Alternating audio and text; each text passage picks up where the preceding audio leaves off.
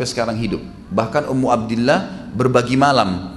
Awal datang Ummu Abdillah mengatakan kepada Syekh, dia mengatakan istrinya yang pertama ini bilang, saya kasih malam saya untuk orang ini, gak apa-apa.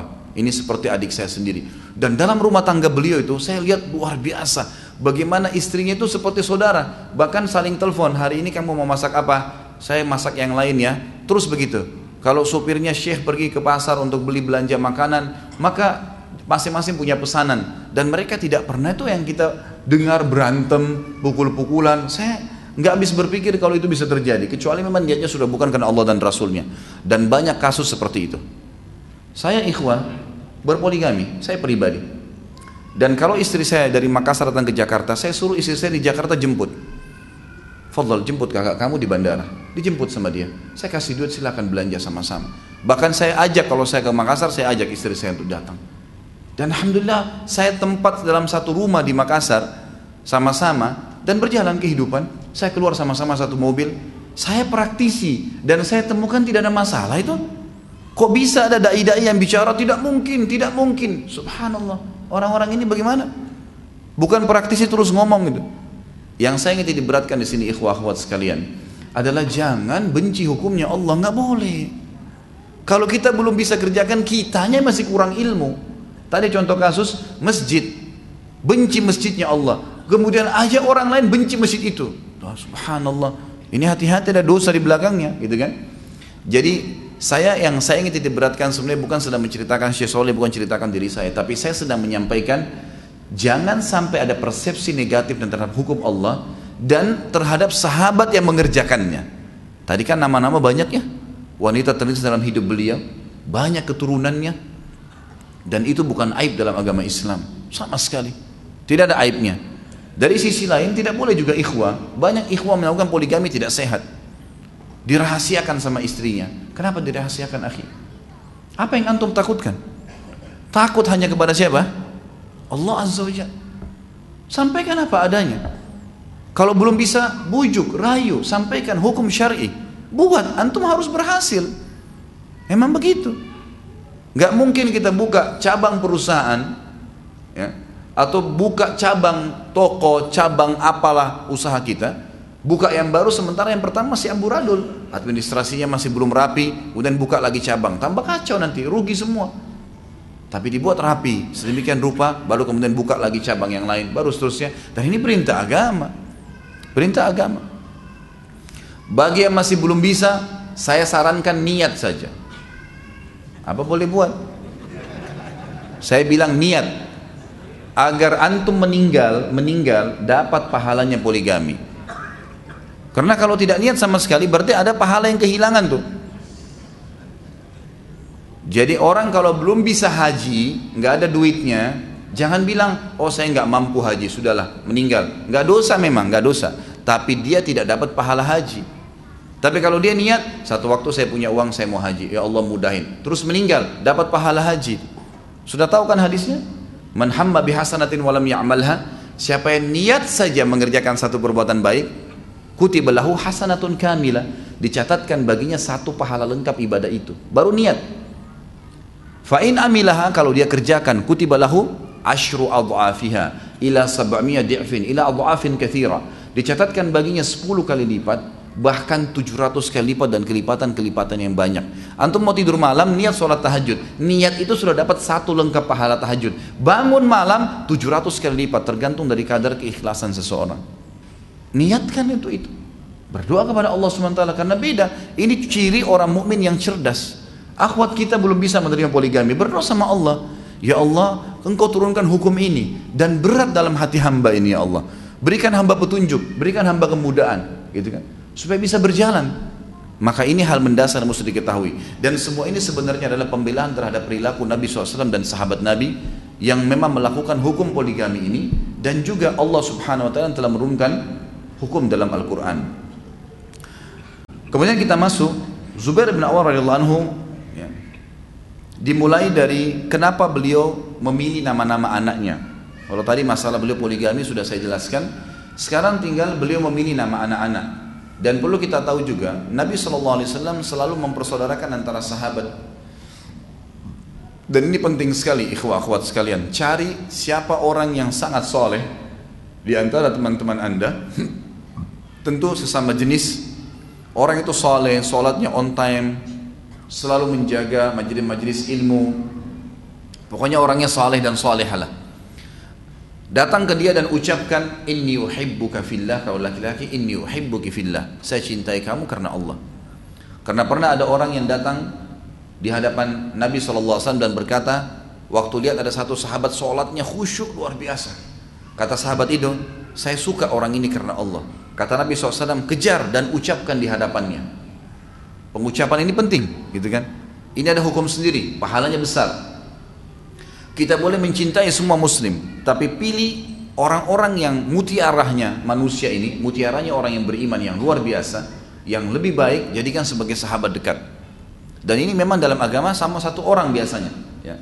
Nabi SAW persaudarakan antara Abdurrahman bin Auf dengan Sa'ad radhiyallahu anhu ajma'in. Kemudian juga Nabi SAW persaudarakan antara Zubair ini dengan Talha yang kita bahas yang lalu. Ini memang ya sahabat dekatnya. Sehingga keduanya ini saling memotivasi dan dan subhanallah kejiwaan mereka sama. Dua-duanya gemar berjihad, dua-duanya mendapatkan julukan mati syahid, dua-duanya dapat jaminan 10 jam masuk surga dan luar biasa lah. Ada sedikit pelajaran di sini dari perilaku uh, Zubair bin Awam dalam memilih nama anak-anaknya. Dan tadi alasan juga kenapa saya datangkan nama-nama ini karena kalau yang pegang bukunya tidak menemukan nama-nama tadi yang saya sebutkan itu semua, nama anak-anaknya, nama istri-istrinya gitu kan.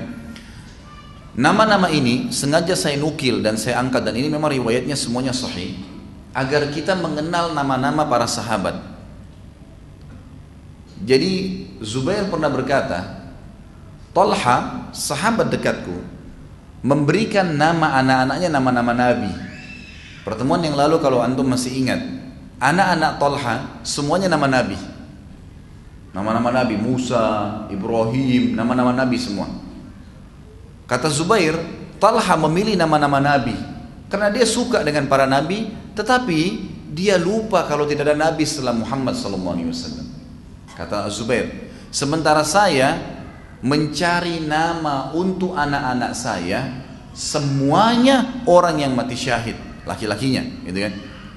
Agar mereka semuanya mati syahid.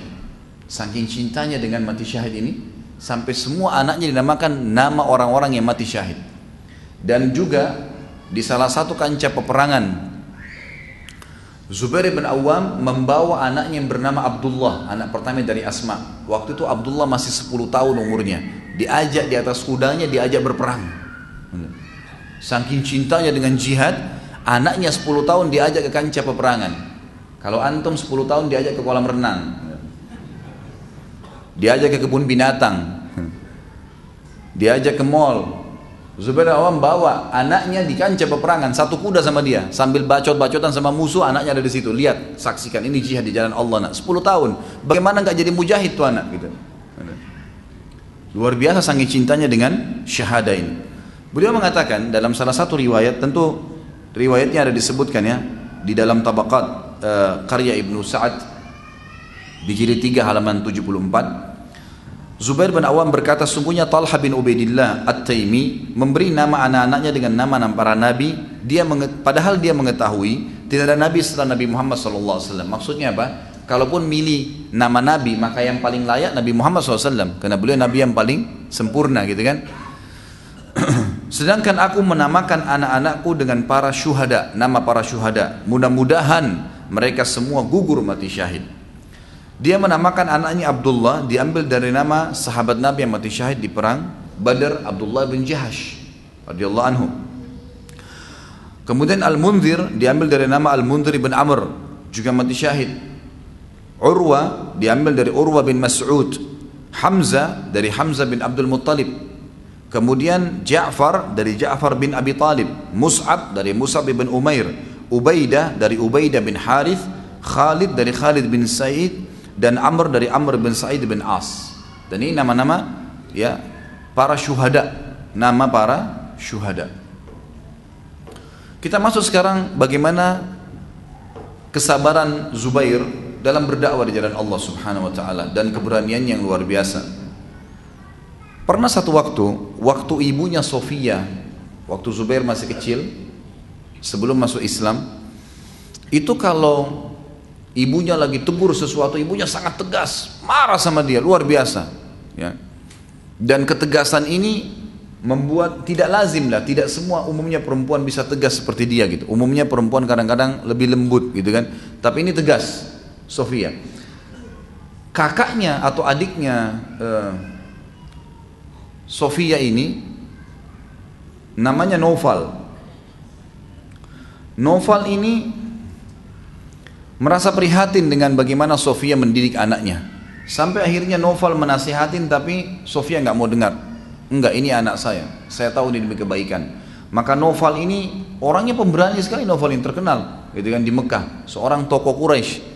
Tapi karena ini saudara perempuannya dia tidak mau bantah, maka dia pun berkata, saya laporkan ini kepada suku, kepala suku waktu itu, ya, yang terkenal dari Abduddar, dari suku mereka, nasihatin.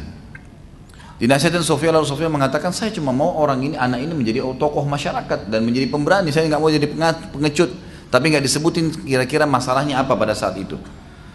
Lalu kemudian ya setelah masuk Islam Zubair masuk Islam ternyata yang menyiksa Zubair adalah pamannya Noval.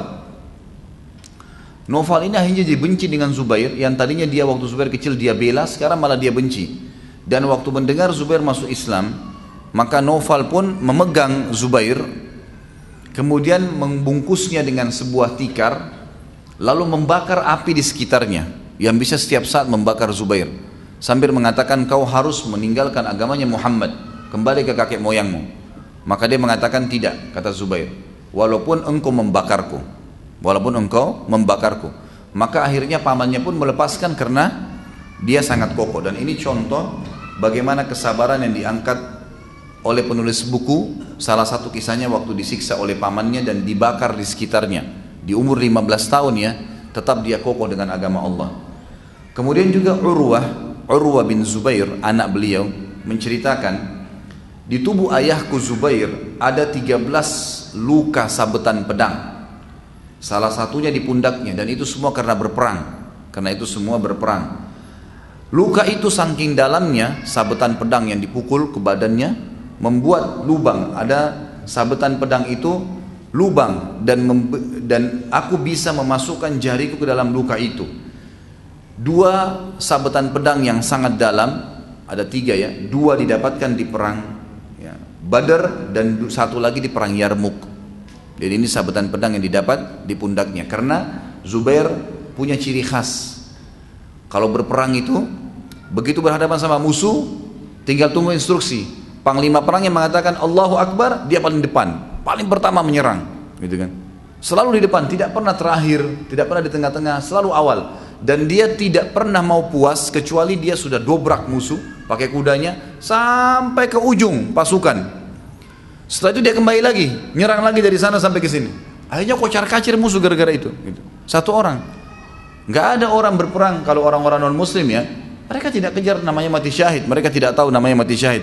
Maka mereka ya ragu-ragu kalau berhadapan musuh baru menangkis, baru menyerang. Tapi tidak ada yang berani langsung menyerang. Dan ini tokoh luar biasa. Keberanian yang luar biasa yang dimiliki oleh Zubair radhiyallahu anhu. Tapi nanti juga akan ada bahasan dalam peperangan ya. Ini cuma sekedar gambaran saja. Kata Ali bin Zaid rahimahullah seorang ulama tabi'in, aku pernah melihat Zubair di bagian dadahnya ada seperti tanda-tanda yang besar seperti mata-mata unta. Dan itu adalah tanda tusukan tombak atau anak panah. Jadi biasanya kalau tombak dilempar tertusuk di badan seseorang maka menghasilkan lubang, gitu kan? Zaman sekarang mungkin masih ada cara untuk dioperasi, dikembalikan, ditutup. Zaman dulu nggak bisa. Jadi tombak ya sudah ditutup sampai darahnya berhenti kering sendiri ya sudah berarti jadi berbekas gitu kan. Di dada Zubair ditemukan banyak sekali ya waktu beliau terbuka bagian bajunya karena zaman dulu orang menggunakan izar dan rida ya seperti baju ihram. Jadi bagian atas itu cuman dililit-lilit saja biasanya begitu maka ada kelihatan lubang-lubang tersebut dan itu adalah bekas tombak atau anak panah dan beliau tetap tidak pernah mengeluhkan kepada orang lain dan ini masuk dalam substansial bahasan bagaimana kesabaran dia dalam menerima apa pun yang diterima dari jalan Allah Subhanahu wa taala. Zubair termasuk orang yang hijrah di Habasyah dan Habasyah ini adalah Ethiopia tentunya. Di awal-awal Islam, kaum muslimin banyak disiksa oleh orang-orang kafir Quraisy. Sebagaimana kita tahu? Sampai Allah Subhanahu wa taala mengizinkan melalui Nabi Muhammad sallallahu alaihi wasallam untuk hijrah ke Habasyah. Ya, hijrah ke Habasyah. Maka hijrahlah sahabat-sahabat Nabi dan di antaranya adalah Zubair bin Awam. Dan ini ada fadilah sendiri. Karena orang yang hijrah itu punya pahala. Ya, hijrah itu ibadah dan Zubair termasuk sama dengan Uthman bin Affan hijrah ke Habasyah dan ke Madinah. Jadi dua pahala hijrah yang mereka dapatkan. Pada saat sahabat tinggal di Ethiopia di Habasyah ini Najasyi raja mereka pada saat itu yang akhirnya masuk Islam di tangan Ja'far bin Abi Talib dan ada hukum sendiri di sini. Najasyi pada saat masuk Islam didengar oleh para pendeta-pendeta dan pastor dan mereka pada saat sudah mengatakan Isa anak Tuhan. Maka mereka pun berusaha menggulingkan Najasyi maka Najasyi akhirnya menyembunyikan Islamnya dan beliau sempat meletakkan di bagian bajunya lembaran Al-Quran dari yang ditulis di atas kulit dibawa oleh Ja'far lalu ditaruh di dalam dadahnya lalu dikumpulin sama dia pastor-pastor semua sambil dia mengatakan kenapa kalian mau memerangi saya kata mereka engkau telah berkhianat wahai raja. Engkau telah mengubah keyakinan kami bahwasanya Isa itu anak Tuhan. Gitu kan? Lalu kata Najasyi, apa yang kalian yakini? Mereka bilang, kami yakin kalau Isa anak Tuhan. Lalu Najasyi pegang dadanya sambil niat untuk memegang Al-Quran tadi dan dia mengatakan, saya dalam keyakinan ini. Gitu kan? Maksudnya Al-Quran ini. Mereka tangkapnya keyakinan seperti yang dipegangi oleh orang-orang Nasrani. Karena waktu itu memang dia akan digulingkan, gitu kan? Yang terjadi adalah ada salah satu dari pastor yang ada hadir pada saat itu, supunya Najasyi, dan dia tidak terima itu. Dia bilang pasti Najasyi ini dusta, nggak mungkin. Dibentuklah sama dia pasukan untuk memerangi Najasyi. Terjadi perang. Nah sebelum terjadi perang, kaum muslimin sahabat yang sudah lari dari Mekah waktu itu merasa tentram di Ethiopia karena dikasih makanan, minuman, naungan, mereka bebas beribadah semaunya, gitu kan. Bahkan Najasyi sempat syahadat di tangan Ja'far bin Abi Thalib. Makanya waktu beliau meninggal, Nabi SAW sempat mensolati ghaib Najasyi karena waktu beliau meninggal sudah tidak ada lagi sahabat di Ethiopia, semua sudah hijrah ke Madinah, gitu kan. Maka Nabi SAW mensolati ghaib dan ini juga sebuah hukum sendiri bahwasanya sholat gaib itu dikerjakan bagi orang yang tidak ada ya, muslimin yang lain mensolatinya. Kalau kita di Indonesia kan meninggal di Surabaya, Jakarta sholat gaib, di Bandung sholat gaib. Ini nggak pernah ada sunnahnya sebenarnya. Satu-satunya riwayat berhubungan dengan sholat gaib adalah sholatnya Nabi SAW kepada untuk Najasyi waktu Najasyi meninggal di sana karena tidak ada satupun muslim di sana sendirian dia maka Nabi SAW sholati di Madinah gitu kan itu hukum syari yang ada diambil. Tapi ringkas cerita adalah pada saat Najasyi diserang oleh sepupunya sendiri yang juga salah satu pastor membentuk pasukan, terjadi peperangan. Najasyi sempat mengamankan beberapa sahabat, semua sahabat, beberapa semua sahabat untuk menyeberang Sungai Nil.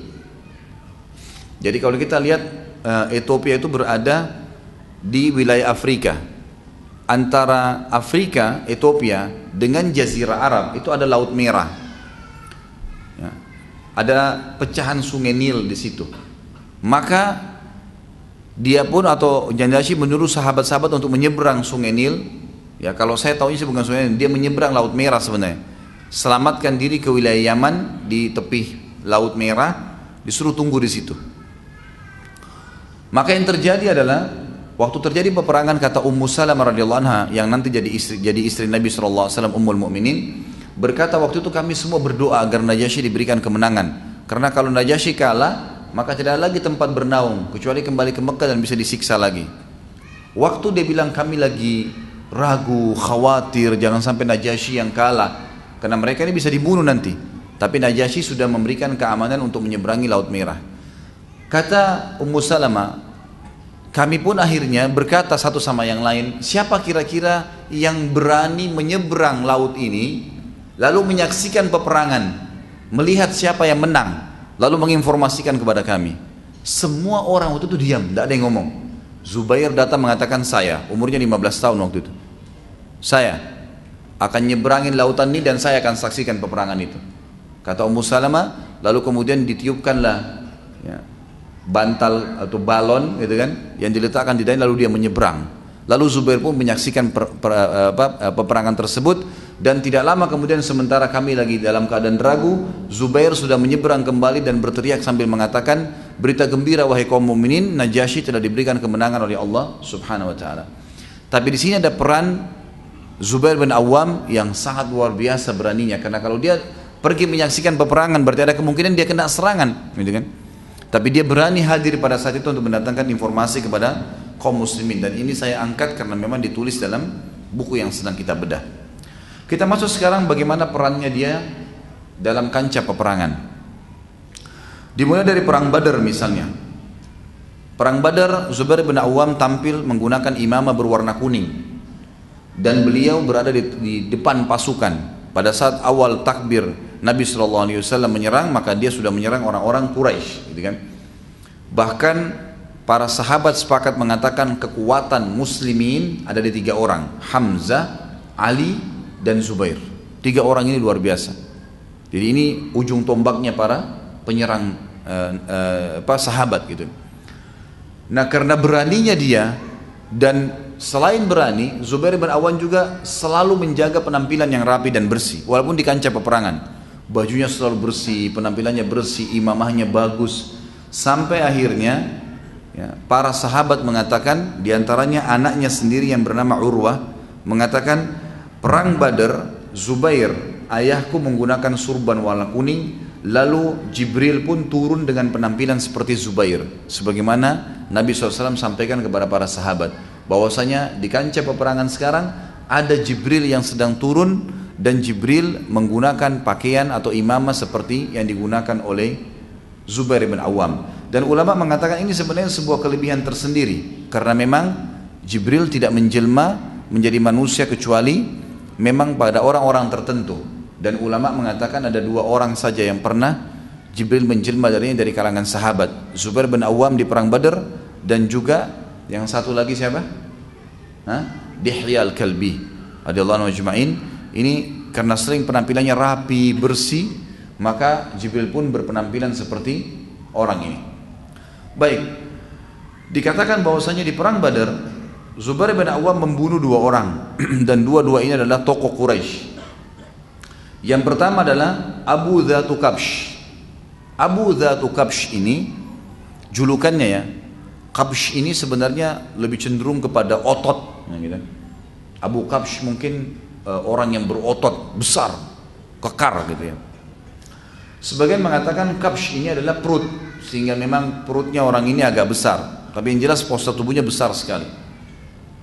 Namanya dia Ubaidah bin Sa'id bin As. Namanya orang ini, Ubaidah bin Sa'id bin As. Dia ini terkenal sekali penunggang kuda Quraisy yang terbaik dan dia juga salah satu dari prajurit Quraisy yang meletakkan dari kepalanya sampai kakinya semuanya besi dan cuma kelihatan matanya. Serta dia satu-satunya pasukan Quraisy yang mahir memainkan pedang tapi yang panjang. Pedang itu disebutkan ya ukurannya kalau kita sekarang mungkin bisa sampai 5 meter pedang yang sangat besar jadi bagian depannya pedang yang dari pegangan tangannya sampai ke bawah itu semuanya besi saja gitu kan jadi sangat panjang pedang itu dipakai bisa sampai 5 meter panjangnya pedang ini dan dia sangat mahir di kancah peperangan Badar dia menyiksa kaum muslimin memukul orang di sini kesakitan ada yang patah tangannya ada yang putus ada yang dibunuh sama dia Lalu beberapa sahabat mendatangi Nabi SAW mengatakan, Ya Rasulullah, ini Abu Zatu Kabsh ini mengganggu kami nih. Berbahaya kalau dibiarkan. Maka Nabi SAW mengutus Zubair. Cari Zubair, suruh Zubair hadapin. Zubair pun mengatakan, saya mendekati Zatu Kabsh ini. Dan dia bilang, saya tidak temukan ada celah di mana saya bisa membunuhnya. Semuanya besi. Banyak waktu dia lagi tebas-tebasin sahabat tuh, banyak sahabat ada yang pukul kakinya, ada yang pukul kudanya pun pakai besi semua. Tapi nggak mempan. Ada yang lemparin panah, panahnya jatuh karena baju besi, nggak tembus gitu kan. Maka Zubair bilang, saya tidak menemukan celah untuk membunuh orang ini. Lalu Zubair tidak putus asa. Dia bilang saya pun mengelilingi orang itu. Terus sementara dia lagi menebas saya, saya kelilingin terus saya lihat celahnya di mana nih. Sampai saya berada berhadapan dengan dia. Dan Zubair bin Awam ini juga termasuk orang yang tinggi besar ya. Karena dalam kisah dalam riwayat dikatakan dia sama dengan Umar bin Khattab. Kalau dulu di atas kuda, kakinya sampai di tanah. Dia orangnya tinggi luar biasa. Kalau laki-laki sekarang mungkin antum yang 2 meter tingginya, ada ikhwan yang 2 meter. Kalau dulu di atas kuda kakinya paling sampai di perut kuda nggak? Anggaplah sampai lewatin perut kuda sedikit. Kalau sampai ke, ke tanah itu berapa banyak, berapa tinggi tuh, gitu kan? Luar biasa. Beliau gitu kalau naik kuda kakinya sampai ke bawah, gitu kan? Nah Zubair bin Awam bilang pas saya berhadapan sama Zatu Kabsh dan Zatu Kabsh ini juga tinggi besar. Cuma badannya lebih kekar. Kata Zubair, saya tidak temukan celah kecuali di antara dua matanya. Jadi di sini tuh ada karet yang menyatukan apa namanya baju besi itu, topeng besinya. Gitu kan? Dia bilang saya tidak temukan kecuali itu. Maka saya pun mengambil tombak dan ciri khas Zubair ini radhiyallahu anhu terkenal di pasukan muslimin selalu di tangan kanan pedang, gitu kan? Kemudian di pundaknya dia taruh tombak kecil Tombak kecil ini khusus untuk digunakan membunuh orang-orang tertentu gitu kan. Dia menaruh pedangnya dan dia ambil tombak kecil itu. Dia bilang lalu saya bertakbir sambil melemparkan niat membunuhnya sebagaimana perintah Nabi SAW dan saya melempar tepat kena di karet itu sehingga tembus sampai ke belakang kepalanya. Dalam riwayat lain dikatakan Zubair bin Awam mendapatkan celah kemudian meloncatin Zatu Kabsh ini sampai jatuh dari kudanya kemudian menancapkan tombaknya di celah tadi yang bisa kena dan akhirnya terbunuh dan Zubair mengatakan saya berusaha menarik tombak saya kembali itu dengan sangat susah payah sampai bengkok tombak saya gitu tapi perannya adalah di sini di kancah peperangan membunuh musuh gitu kan membunuh musuh tentu dalam Islam di luar kancah peperangan yang dibolehkan membunuh itu kalau kita diserang Misal ada perampok, ada pencuri, membela diri itu lain. Itu boleh. Selain ini nggak boleh. Itu kan. Kalau pribadi, kalau pemerintah tentu boleh kalau kisas kan. Kalau pribadi nggak boleh kecuali membela diri. Tapi kalau di kancah peperangan berbeda nih. Berbeda, gitu kan. Di perang Badar, Nabi SAW sempat mengambil pedang dan berkata, siapa yang memberikan haknya Allah dan Rasulnya pedang ini? Maka Hamzah mengatakan, saya Rasulullah. Nabi SAW tarik. Nabi mengatakan lagi, siapa yang memberikan haknya Allah dan Rasulnya pedang ini? Maka Ali mengatakan, saya Rasulullah. Nabi tarik. Hamzah dan Ali, dua pejuang besarnya muslimin ditolak. Paman dan sepupu Nabi. Gitu kan? Selama ini terkenal keberaniannya. Nabi tetap tarik. Lalu Nabi mengatakan, siapa yang memberikan hak pedang ini Allah dan pedang eh, haknya Allah Rasulnya pedang ini? Maka Migdad, Migdad ini terkenal. Ya dia satu orang dihitung sama dengan seribu kekuatan laki-laki sama dengan Zubair bin Awam nanti ada bahasan di Migdad tapi Zubair bin Awam juga salah satu dari orang yang dihitung seribu kekuatan oleh Umar bin Khattab nanti akan kita sebutkan riwayatnya maka Nabi SAW tarik lalu Abu Dujana radhiyallahu syammah ya, yang terkenal beliau mengatakan ya Rasulullah dia tanya apa haknya Allah dan Rasul di pedang itu maka kata Nabi SAW, engkau mengambil dan engkau memerangi, menggunakan melawan musuh Allah sampai pedang ini bengkok. Artinya kalau di kancah peperangan berbeda. Tunjukkan keterampilan, memang harus membunuh. Tapi tidak ada mutilasi ya. Sudah ditusuk mati selesai. Tapi tidak boleh sama sekali kita lari dari kancah peperangan, merasa takut. Nggak perlu semuanya. Nggak ada rasa takut bagi, Islam, bagi seorang muslim. Tidak ada sifat pengecut, malas, perhitungan dalam Islam. Tidak ada itu. Sama sekali. Bahkan Nabi SAW mengatakan, Allah meni bika minal jubni wal bukhul. Ya Allah jauhkan kami dari sifat pengecut dan perhitungan, bakhil, pelit. Gitu kan? Di jalan Allah SWT. Ini tidak boleh ada. Tidak ada pengecut dalam Islam. Tapi kita merendah. Di luar kancah peperangan kita merendah. Siapa yang tawadhu ya, kepada Allah di jalan Allah, Allah akan angkat derajatnya. Merendah, tidak sombong. Ya. Di luar. Tapi dalam kancah peperangan lain. Abu Dujana waktu sudah mengambil pedang tadi, maka dia pun mengelitkan imamah merah di atas kepalanya, kemudian dia membusungkan dadanya sambil memegang pegang pedang dari Nabi SAW dan ditaruh di dadanya, menunjukkan kekuatannya gitu. Lalu kata Nabi SAW, caranya orang ini, Abu Dujana, dibenci oleh Allah kalau di luar tempat ini. Tapi kalau di sini dibolehkan, di kancah peperangan, menunjukkan kekuatan untuk musuh. Ini pelajaran lain ya, yang mesti kita ambil. Maka Zubair bin Awam dan sahabat-sahabat Nabi yang lain sangat faham masalah ini. Menghadapi musuh tidak boleh tunjukkan kelemahan. Memang mereka harus tunjukkan kemahiran dan memang mencari mati. Karena tujuannya orang masuk medan perang adalah mati syahid. Yang kedua baru menang, gitu kan? Makanya para mujahidin tidak pernah kenal namanya kalah. Kita menang atau mati syahid. Kalau mati pun semua terbunuh tidak ada kekalahan, itu menang malah. Itu kemenangan yang pertama dicari, mati syahid semua masuk surga tanpa hisab dan banyak kelebihan orang-orang yang mati syahid gitu. Kemudian yang kedua, Zubair bin Awam membunuh pamannya sendiri yang bernama Naufal. Ya. Ini mohon maaf tadi saya keliru ya, bukan Naufal ini bukan pamannya dari ibunya, Sofia kan tante Nabi. Jadi bukan bukan pamannya Nabi Novel ini, tapi Novel ini dari keluarga ayahnya, paman dari ayahnya. Ya. Novel bin, bin Huwailid bin Asad yang tadinya sudah menyiksa dia pada saat dia masuk Islam dan memang kena meninggal syahadat maka dia tunjukkan bahwasanya setelah masuk Islam di kancah peperangan walaupun paman sendiri sudah tidak ada lagi urusan kekeluargaan di sini. Memang sudah seperti itu hukumnya dalam agama Allah Subhanahu wa taala. Tidak ada boleh didahulukan dari Allah dan Rasulnya. Itu di perang Badar, di perang Uhud. Nabi SAW sempat melihat ada orang juga yang sangat menyusahkan kaum muslimin. Maka, tapi tidak disebutkan namanya dalam buku ini ya. Maka Nabi SAW mengatakan kepada para sahabat, panggilkan Zubair, suruh Zubair yang hadapin orang ini. Jadi selalu saja kalau ada orang yang sulit untuk dihadapin, maka Nabi SAW memilih siapa yang paling berani di antara sahabat dan itu adalah Zubair radhiyallahu anhu. Dipanggil Zubair, maka Nabi SAW mengatakan, wahai Zubair, selesaikan urusan orang ini. Zubair nggak pakai nunggu, langsung memicu kudanya menyerang ke arah orang itu. Dan pada saat Zubair melihat orang itu dari belakang, Zubair naik berdiri di atas kudanya, kudanya lagi jalan, dia berdiri, diloncatin orang itu. Gitu kan? Dalam riwayatnya dikatakan naik ke atas sebuah bukit kecil, dia, dia kudanya lagi lari, dia loncat di atas bukit. Kemudian orang itu di bawah bukit diloncatin sama Zubair sehingga orang itu jatuh ke tanah kemudian dibunuh oleh Zubair radhiyallahu anhu. Jadi memang kiprah yang luar biasa dalam kancah peperangan. Ini disebutkan di dalam masalah Uhud dan ada yang sempat dibunuh oleh Zubair dan ada juga peran Zubair bersama dengan Abu Bakar setelah selesai perang Uhud. Tentu di perang Uhud tentu ada kisah sendiri ya, di mana pada saat 43 sahabat Nabi yang turun tidak mengikuti perintah Nabi dari gunung pemanah sehingga tinggal tujuh orang dan akhirnya dibunuh oleh Khalid bin Walid yang belum masuk Islam pada saat itu. Kan muslimin sempat terkalahkan. Ya, di fase peperangan kedua.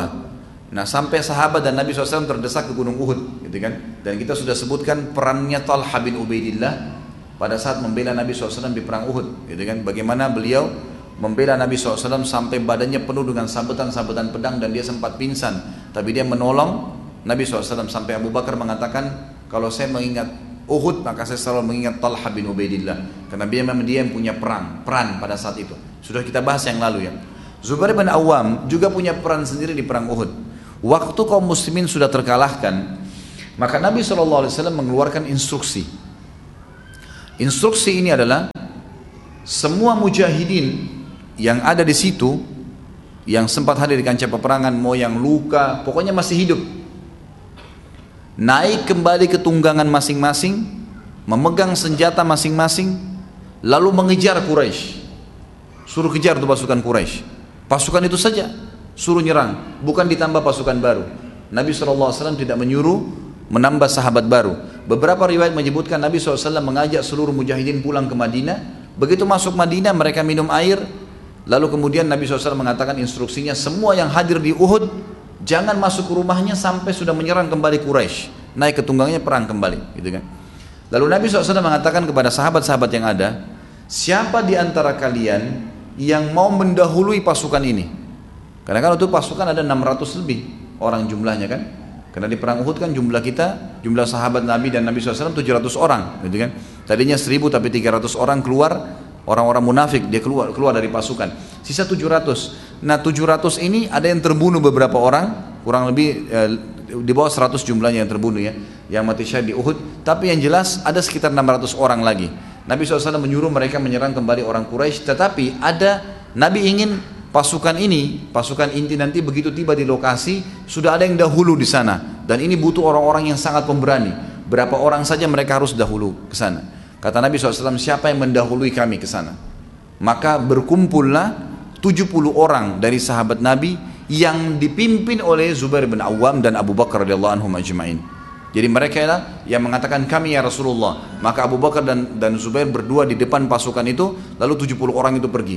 Pasukan inti Nabi SAW yang 500 lebih ini lagi jalan dari belakang menyusul. Subhanallah, strategi perang Nabi ini berhasil. Orang-orang Quraisy waktu mendengarkan dari mata-mata mereka ternyata Nabi Muhammad SAW keluar lagi dari Madinah dan menyerang dari belakang, mereka kaget. Tidak pernah dalam sejarah peperangan di saat itu ada pasukan kalah, bahkan mungkin sekarang ada pasukan kalah, kemudian masih bisa menyerang lagi. Bayangkan kalau orang luka, orang capek, ada orang ketakutan, gitu kan? Terus pulang ke kotanya, masuk ke Madinah, sudah lihat istrinya, lihat anaknya, mungkin sudah bisa bersatu, tapi tiba-tiba disuruh berperang lagi. Itu nggak gampang, tapi berhasil. Sahabat-sahabat semuanya pergi. Waktu Quraisy mengetahui hal tersebut, sementara jumlah mereka 2.900 sekian orang.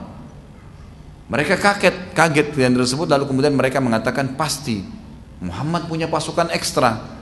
Maka daripada kemenangan kita yang sudah kita dapatkan diubah menjadi kekalahan, tidak usah kita kembali. Akhirnya mereka meninggalkan kota, eh, men, apa, terus melanjutkan menuju ke Mekah. Maka disebutkan bahwasanya Aisyah berkata radhiyallahu anha dalam riwayat kepada Hisham eh, kepada Urwa maaf Urwa anaknya Zubair. Dan ini ponakannya Aisyah. Karena Urwa anaknya Asma binti Abi Bakar. Jadi ponakannya Aisyah. Aisyah berkata kepada Urwa wahai ponakanku dua orang tuamu Zubair dan Abu Bakar termasuk yang telah mendapatkan telah turun firman Allah pada mereka berdua. Surah Al-Imran ayat 172 A'udzu billahi minasyaitonir rajim alladzina istajabu lillahi war rasuli min ba'di ma asabahumul al-ayat Orang-orang yang mentaati perintah Allah dan Rasul setelah mereka mendapatkan luka pada perang Uhud. Jadi firman Allah ini turun kepada Zubair dan Abu Bakar. Dan ini sebuah fadilah tentunya. Ini sebuah fadilah dan ini tidak tidak dilakukan atau tidak didapatkan oleh semua orang. Gitu. Akhirnya karena perbuatan tersebut Allah Subhanahu Wa Taala juga turunkan surah Al-Imran 174 dua ayat setelahnya. Fanqalabu bi ni'matin min Allah wa fadlin lam yamsashum su. Al-ayat maka pada saat orang-orang Quraisy tidak berani menyerang mereka, tidak berani menghadapan dengan mereka, maka mereka pun kembali dengan nikmat dan karunia yang besar dari Allah. Mereka tidak mendapatkan bencana apa pun dan mereka mendapatkan pahala dan nama baiknya ya kaum muslimin kembali. Ini kurang lebih yang berhubungan dengan masalah perang Uhud. Kita pindah ke perang Khandaq. Dalam hadis Bukhari Muslim diriwayatkan dari Jabir radhiyallahu bahwasanya Rasulullah sallallahu alaihi wasallam bersabda ketika perang Khandaq, Siapa yang bersedia pergi mengetahui berita tentang Bani Quraidah? Perlu teman-teman tahu, di Madinah waktu itu ada tiga suku Yahudi. Ada Kainuqa, Nadir, dan Quraidah. Kainuqa, Nadir, dan Quraidah. Tiga suku Yahudi ini terkenal. Dan subhanallah kata sebagian ahli sejarah, dari tiga suku ini, Kainuqa, Nadir, dan Quraidah, tiga-tiganya ini tersebar ya orang-orang Yahudi sekarang. Dari kota Madinah dulu. Yang sekarang banyak ini jumlahnya dari mereka. Kalau e, Bani Kainuqa sudah dikeluarkan oleh Nabi SAW dikeluarkan oleh Nabi SAW dari Madinah karena mereka pernah mengganggu seorang muslimah yang sahabiat yang belanja di pasar mereka sengaja dicantolin oleh beberapa anak mudanya besi kemudian sobek bajunya gitu kan sehingga kelihatan auratnya maka mereka terus menertawakan sahabiat itu karena tadinya mereka menggoda supaya sahabat itu buka cadarnya tapi dia tidak mau. Lalu ada seorang sahabat lewat, sahabat itu lalu membunuh si Yahudi yang telah mengolok-olok muslimah tadi. Kemudian sahabat ini dikeroyokin dan mati. Lalu perempuan itu pulang ke Madinah melapor kepada Nabi SAW, ya Rasulullah kejadiannya seperti ini. Ya, Bani Kainuqa melakukan seperti ini. Maka Nabi SAW menyerang mereka, kemudian mengusir mereka dari Madinah. Yang kedua Bani Nadir, suku Nadir ini diusir oleh Nabi SAW dari Madinah karena mereka mau berusaha membunuh Nabi SAW waktu Nabi sedang ada di perkampungan mereka. Maka turun ya Jibril menyampaikan niat busuk mereka itu lalu Nabi SAW mengepung dan mengeluarkan mereka dari Madinah. Nah tinggal suku Quraidah. Suku Quraidah ini dikeluarkan oleh Nabi SAW karena pengkhianatan mereka di ya, perang Khandak, di perang Khandak, gitu kan? Karena suku Kainuqa dan suku Nadir sudah diusir dari Madinah, oleh Nabi SAW. Kedua suku Yahudi ini membuat makar. Mereka berusaha mengumpulkan sebanyak mungkin pasukan ya untuk menyerang Madinah. Maka mereka mendatangi orang-orang Quraisy, mendatangi suku-suku Arab yang pernah dikalahkan oleh Nabi Shallallahu Alaihi Wasallam, gitu kan? Ada banyak suku-suku Arab yang dikalahkan oleh para muslimin, maka dipanggil dan bersatulah mereka semua dan pada saat itu kekuatan mereka mencapai 10.000 orang. Lalu suku Nadir dan Kainuqa yang telah diusir tadi berkumpul semuanya mereka di Mekah dan menunjuk Abu Sufyan sebagai pimpinan perang untuk untuk datang menyerang Madinah yang dikenal nanti dengan perang Khandak atau perang Parit.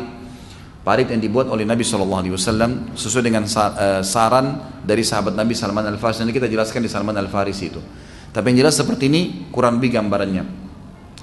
Maka pada saat itu Abu Sufyan sempat bertanya kepada suku Kainuqa dan suku Nadir nih. Kalian ahli kitab, Kalian mengaku punya kitab seperti Muhammad punya kitab dari langit. Saya mau tanya, agama kami lebih baik atau agamanya Muhammad? Perhatikan pengkhianatannya orang Yahudi ya. Dan ini kata ulama permusuhan Yahudi terhadap muslimin ini sepanjang masa abadi. Gak mungkin sampai Dajjal nanti keluar sampai pun Dajjal terbunuh kita akan membunuh orang-orang Yahudi. Memang permusuhannya abadi ini. Tidak bisa diubah lagi. Dan ini semua makar yang sekarang ada di tengah-tengah umat Islam, munculnya Syiah, munculnya kelompok-kelompok yang sesat, pemahaman-pemahaman yang salah, perusakan moral dengan media-media masa, Yahudi semua di belakang. Semuanya mereka, gitu kan? Maka mereka berani mengatakan pada saat itu kepada Abu Sufyan, agama kalian lebih baik, sembah berhala itu lebih baik. Maka Abu Sufyan pun akhirnya semangat, lebih semangat lagi untuk keluar, gitu kan? Untuk keluar. Nah, satu-satunya yang jadi kendala di Madinah itu ada dua kelompok. Adanya orang-orang munafik dan adanya suku Kainuqa ini, Yahudi ini. Nabi SAW memata-matai suku Kainuqa ini, mau tahu informasinya mereka. Dan orang yang jadi mata-mata ini butuh seseorang yang jeli, faham bagaimana memata-matai, gitu kan? Bagaimana dia mengambil informasi. Maka kata Nabi SAW, siapa di antara kalian yang bisa mendatangkan untuk saya informasinya Bani Qainuqa. Zubair langsung berdiri mengatakan saya Rasulullah. Konsekuensinya bisa dibunuh nih. Karena di kota Madinah dulu itu, anggap misalnya ini kota Madinah, tempat tisu ini. Maka di dalam Madinah pada zaman Nabi SAW itu setiap suku tinggal punya lokasi sendiri-sendiri. Kalau kayak kita komplek perumahan sekarang ya. Tapi kalau zaman dulu enggak, benteng. Jadi di dalam Madinah itu ada banyak benteng-benteng, banyak benteng-benteng yang tinggi, gitu kan. Di dalamnya sukunya semua yang tinggal. Jadi Yahudi ini punya benteng, Kainuqa punya sendiri, Nadir punya sendiri, Quraidah punya sendiri. Kemudian suku-suku sahabat pun Bani Najjar sendiri, suku-suku Arab yang ada pun itu mereka bersuku-suku gitu kan, Bani Amir sampai kalau kadang-kadang mereka mengunjungi sebuah tempat mereka mengatakan kita ketemu di pemukimannya Bani Amir, Bani Najjar gitu kan karena mereka begitu berkelompok-kelompok. Nah, ini benteng tapi ya, ini benteng-benteng yang tinggi. Di dalamnya itu ada sumur, ada perkebunan, ada peternakan, komplek tempat tinggal gitu. Nah, untuk menembus benteng Kainuqa, eh, eh, Quraidah, suku ini, itu agak sulit dan butuh orang yang luar biasa pemberani. Karena dia harus manjat ke atas, dia harus memata-matain, masuk pelan-pelan, ngumpulin informasi apa nih, gitu kan. Zubair mengatakan saya Rasulullah. Maka dia pun pergi dengan kudanya ke sana, manjat temboknya, ngambil informasinya. Pokoknya dia berhasil kembali. Di ringkas riwayat ini adalah dia berhasil kembali. Dia mengatakan ya Rasulullah, mereka begini, begini, begini. Jumlah mereka begini. Mereka lagi lakukan ini. Informasi mata-mata. Gitu. Lalu kata Nabi SAW, kayaknya Nabi masih perlu nih. Siapa lagi yang bisa dan berani ke Bani Quraidah? Ya. Quraidah ini untuk ngambil informasi tambahan. Sahabat diam. Lalu Zubair mengatakan saya Rasulullah. Karena ini untuk manjak tembok ini, tembok ini butuh kemahiran sendiri. Masuk ke dalam itu butuh kemahiran sendiri. Dia mengatakan saya Rasulullah. Untuk yang kedua kalinya dia pergi, manjat lagi, ambil lagi informasi, kembali lagi. Begitu kembali sudah disampaikan begini ya Rasulullah, begini ya Rasulullah. Nabi SAW yang ketiga kali mengatakan, siapa yang mengambilkan lagi buat saya informasi dari Bani Quraidah? Maka sahabat diam dan Zubair mengatakan saya ya Rasulullah maka ketiga kali dia kembali lagi gitu kan? Artinya tiga kali menghadapi bahaya kematian bisa dibunuh. Tapi dia betul-betul tidak peduli. Dia pergi ke sana lalu dia kembali dia mengumpulkan informasi setelah lengkap. Maka kata Nabi saw dan inilah judul kita sebenarnya ya. Judul kita ini Zubair bin Awam adalah ya, sahabat setia Nabi Sallallahu Alaihi Wasallam atau pembela setia Nabi Sallallahu Alaihi Wasallam. Diistilahkan dalam bahasa Arab hawari. Kalau kita bahasa sekarang itu bodyguard, gitu kan. Jadi bodyguardnya Nabi itu adalah Zubair bin Awam. Cuma kan tidak pantas kalau kita tulis di judul bodyguard, gitu kan. Eh, ini dia pembela setia Nabi Shallallahu Alaihi Wasallam, gitu kan? Jadi luar biasa. Nah, sebab disebutkannya hadis Nabi yang berbunyi Inna likulli nabiin hawari wa hawariyaz Zubair. Sesungguhnya setiap nabi itu punya bodyguard, punya ada pengawal khusus, gitu kan? Yang memang dia khusus membela nabi, pokoknya membela. Kalau raja, memang tangan kanannya yang membela dia. Ini punya keterampilan luar biasa dalam bela diri, keterampilan strategi menyelamatkan lah. Bahkan dia siap mengorbankan dirinya. Maka kata Nabi SAW semua Nabi punya hawari. Ada satu pasti dipilih pembelahnya. Dan pembelahku bodyguardku adalah Zubair. Adalah Zubair. Keluar sabda Nabi SAW ini setelah tiga kali dia bolak-balik dari suku Quraidah gitu kan Tentu dalam perang Khandak ada sendiri ya, nanti insya Allah bisa diikuti dalam Sirah Nabawiyah, tapi itu pertemuan akan datang, akan ada pertemuan tentang Sirah di Bekasi Barat, memang yang setiap bulan sekali, tapi mungkin itu habis Lebaran, memang sudah masuk di perang bahasan tentang perang Khandak. Ali radhiyallahu anhu berkata tentang perang Khandak ini, orang yang paling berani adalah Zubair. Tidak ada yang mengetahui kadar orang-orang besar kecuali orang yang besar. Maksudnya apa? Saya tahu dia berani karena saya tahu bagaimana diri saya juga. Ali berani juga gitu kan. Maka saya bisa menilai dia justru karena saya tahu bagaimana kadar saya. Ini luar biasa beraninya Zubair. Kemudian Ats-Tsauri rahimahullah seorang tabi'in berkata, kekuatan para sahabat ada pada tiga orang, Hamzah, Ali dan Zubair. Abdullah bin Zubair berkata, pada perang Ahzab Nabi SAW memintaku dan perang Ahzab nama lainnya perang Khandak ya. Karena surah Al-Ahzab itu dalam Al-Quran, surah nomor 33 menceritakan tentang perang Khandak. Nah, jadi perang Khandak berarti parit, itu disebutkan dalam hadis. Kalau dalam Al-Quran perang Ahzab, Ahzab jamak daripada Hizib artinya kelompok-kelompok karena suku-suku tadi semua ketemu untuk menyerang kota Madinah.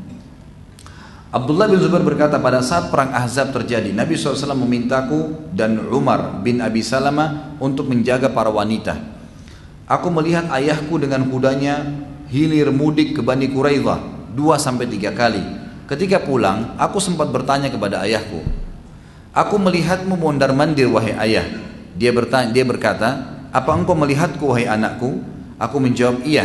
Dia pun menjawab Rasulullah SAW telah bersabda siapa yang bersedia datang ke Bani Quraidah dan mengemulkan berita mereka maka aku pun berangkat ketika aku kembali Rasulullah SAW pun mengulangi sampai tiga kali dan aku mengulanginya sampai akhirnya kata Nabi SAW fidaka abi wa ummi. Ayah dan ibuku jadi tebusan untukmu.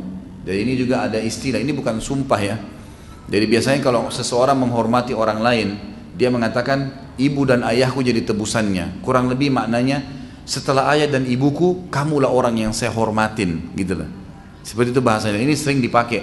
Nabi SAW kadang-kadang menggunakan kalimat ini dan tidak semua sahabat di antaranya Zubair bin Awam beliau mengatakan ya aku ayah dan ibuku sebagai tebusannya. Maksudnya aku hormatin kau Zubair ya. Setelah ayah dan ibuku ya, ya justru karena peranmu dalam membela agama ini. Kemudian perang yang selanjutnya perang Hunain. Perang Hunain ini terjadi tentunya setelah pembebasan kota Mekah ya. Maka dikatakan dinukil dari beberapa sahabat di perang Hunain, perang Hunain ini melawan pasukan yang luar biasa jumlahnya, ya, luar biasa jumlah pasukan musuh. Pasukan muslimin juga banyak karena beberapa orang yang baru masuk Islam di pembebasan kota Mekah ikut berperang, gitu kan, ikut berperang. Tapi pada saat pasukan bertemu antara pasukan muslimin dengan pasukan kafir, pasukan orang-orang kafir ini mereka melihat ada satu orang di pasukan muslimin menggunakan surban merah dan punya tombak di pundaknya. Itulah Zubair bin Awam. Maka mereka saling berkata satu sama yang lain, ada apa dengan orang ini nih? Kok dia belum belum pecah peperangan, dia sudah mondar mandir. Jadi pasukan muslim di sini, pasukan kafir di sini misalnya. Ini kan biasanya saling nunggu nih. Nanti kalau ada pecikan atau suara baru mereka saling menyerang. Enggak, Zubair ini kalau sudah lagi berhadapan sama musuh, dia jalan sampai ke depannya pasukan. Jadi antara dia dengan pasukan kafir ini sudah tinggal berhadapan begini saja. Ya. Dia bolak-balik, lihat-lihat mereka gitu, tunjukkan kekuatannya, mondar mandir. Ada yang melawan sudah dilawan sama dia langsung. Lalu dia bolak-balik. Jadi orang-orang kafir bilang, siapa orang ini yang luar biasa nih? Teman-temannya masih di belakang, dia sudah datang di depan, nunjuk-nunjukin keberaniannya. Ini siapa yang berani maju, saya tebas gitu. Nah, ini luar biasa gitu. Mereka bilang siapa ini? Panglima perangnya bilang, itu Zubair bin Awam. Demi Lat, Lat ini Tuhannya mereka gitu kan. Demi Lat, dia akan menyerang kalian seperti singa menyerang musuhnya, gitu kan. Hadapi benar-benar ini bahaya orang ini. Kalau dia sudah nyerang, pokoknya di kamu mati atau dia mati gitu. Jadi saking luar biasanya sampai musuh-musuh Allah pun mengetahui tentang kedudukannya. Dan pada saat takbir dipicukan oleh Nabi SAW, Allahu Akbar, bukti penyerangan, Zubair sudah hadapan begini, langsung diserang sama Zubair sendirian. Ini masih di belakang sahabat ini lagi menyerang, dia sudah nyerang, ditembus pasukan itu sampai ke ujung, gitu kan. Kemudian dia kembali lagi, dia kembali lagi. Jadi ini kocar kacir semua musuh. Subhanallah, dalam perang Hunain, sebagian besar ahli sejarah mengatakan justru kemenangan didapatkan karena perang Zubair, satu orang. Dia sendiri yang masuk itu, gitu kan? Jadi luar biasa nih, luar biasa keberaniannya. Dan ini tidak bisa ada kecuali karena diikuti dengan masalah pondasi asas yang awal saya bilang tadi. Keyakinan tentang kebenaran Allah, Rasulnya, agama ini dan apa yang dijanjikan pasti benar. Tinggal tunggu ikhwah. Ini ikhwah di sini. Kalau Allah mudahkan satu-satu kalimat jihad, semoga insya Allah kita terikut tapi yang benar tuntunan dalam agama dan semoga mati syahid. Teman-teman sekalian tinggal tunggu musuh tusuk satu pisau, gitu kan? Mati syahid, 70 keluarga masuk surga. Tidak akan dimakan jasadnya oleh tanah. Tidak ada pertanyaan malaikat mungkar nakir siapa Tuhanmu siapa Nggak ada lagi bagi syuhada. Enggak dimandikan jenazahnya dikubur dengan bajunya, dibangkitkan hari kiamat darahnya netes lebih wangi daripada bau kasturi, gitu kan. Kemudian dia juga akan masuk surga tanpa hisap, nggak ada timbangan amal lagi. Selesai. Golongan pertama masuk surga dan masuk surga Firdaus di tingkat tertinggi, gitu kan. Luar biasa fadilahnya. Terlalu banyak. Sementara orang kalau mati terbunuh ya, ada orang tusuk kita misalnya atau dilempar bom meledak, kalau kita sudah mati saatnya pada saat itu ajal datang, kita nggak rasa lagi, aduh pisaunya sakit nih di perut saya, nggak ada lagi itu. Kena bom, aduh kepala saya meledak nih, nggak ada lagi itu. Kenapa? Karena orang mati dalam Islam cuma merasakan satu saja. Apa itu? Siapa yang bisa jawab? Hah? Sakaratil maut, gitu kan? Jadi cuma kita ini kalau mati nanti ikhwah, nggak lagi lihat, oh ini musuh lagi tebas lahir saya, nggak ada. Malaikat cabut ruh, itu saja yang kita lihat. Orang beriman, ruhnya keluar lebih mudah daripada air dari mulut kendi. Kalau orang kafir atau fasik sulit, seperti bulu domba yang dibasahkan dililit di pohon berduri lalu ditarik dengan keras sehingga berantakan bulu domba itu. Gitu kan? Jadi tidak ada kata takut dengan menghadapi perang dan mati syahid itu. Tidak ada. Bahkan orang yang faham dia akan merindukan itu. Zubair bin Awam sangat kental gitu. Ya. Bayangkan kalau antum semua ini, tapi insya Allah orang-orang beriman, masya Allah. Kalau ini musuh, Lalu saya posisi Zubair bin begini berhadapan nih. Satu orang hadapin ini ribuan orang, gitu kan. Dia keliling-keliling dari ujung, tinggal tunggu takbir dari belakang. Begitu takbir dia serang langsung masuk. Luar biasa, gitu kan. Bagaimana nggak takut musuhnya ini dianggap orang gila mungkin kalau orang tidak beriman gitu. Tapi seperti itulah ciri khasnya beliau orang dan ini perang Hunain luar biasa. Sampai kata Ali radhiyallahu anhu yang menyerang dari belakang melihat Zubair di depan bolak-balik, kemudian dia tembus musuh. Waktu melihat kejadian tersebut kata Ali, dia telah marah ya karena dia sudah tunggu dia sudah panas lah istilahnya gitu kan seperti macan tutul dan menerjang seperti singa gitu. luar biasa dia kalau masuk menyerang musuh itu kemudian di perang Yarmuk tentu di sini perang Hunain adalah akhir peperangan Nabi Muhammad SAW dan ini peperangan yang akhir juga diikuti bersama Nabi SAW oleh Zubair bin Awam. Tapi beliau salah satu sahabat yang pernah, tidak pernah ketinggalan perang, satupun perang. Semua perang Nabi diikutin. Anhu luar biasa orang ini. Kemudian di perang Yarmuk, perang Yarmuk ini terjadi di zaman Umar bin Khattab. Nah Umar bin Khattab waktu jadi khalifah, beliau sempat mengirim dua pasukan yang masyhur dan terjadi dua perang besar. Perang Yarmuk ini pasukan yang menyerang pasukan Romawi, wilayah Syam, gitu kan? Nanti akan runtuh yang Palestina masuk Islam, gitu kan? Syria, Lebanon, ya, Lebanon, ya, Jordania. Ini nanti negeri Syam akan takluk setelah perang Yarmuk nih, gitu kan? Pasukan yang kedua dan ini juga termasuk pasukan yang menuju ke Yarmuk ini menaklukkan negeri Syam dan ada juga melakukan Mesir, gitu kan? Jadi wilayah Afrika dan wilayah utaranya Jazirah Arab, negeri Syam. Dan dari sini nanti Islam masuk ke Turki, gitu kan? Dari sini masuk ke Turki. Tapi awalnya di perang Yarmuk namanya, peperangan Yarmuk ini. Itu Umar bin Khattab mengatur strategi perang radhiyallahu anhu luar biasa. Menyerang jazirah uh, utara jazirah Arab karena kalau selatan jazirah Arab kan Yaman. Yaman sudah masuk Islam di tangan Muadz bin Jabal, sahabat Nabi yang mulia. Jadi daerah selatan jazirah Arab tidak ada musuh. Ya, gitu kan? Karena sudah laut lepas.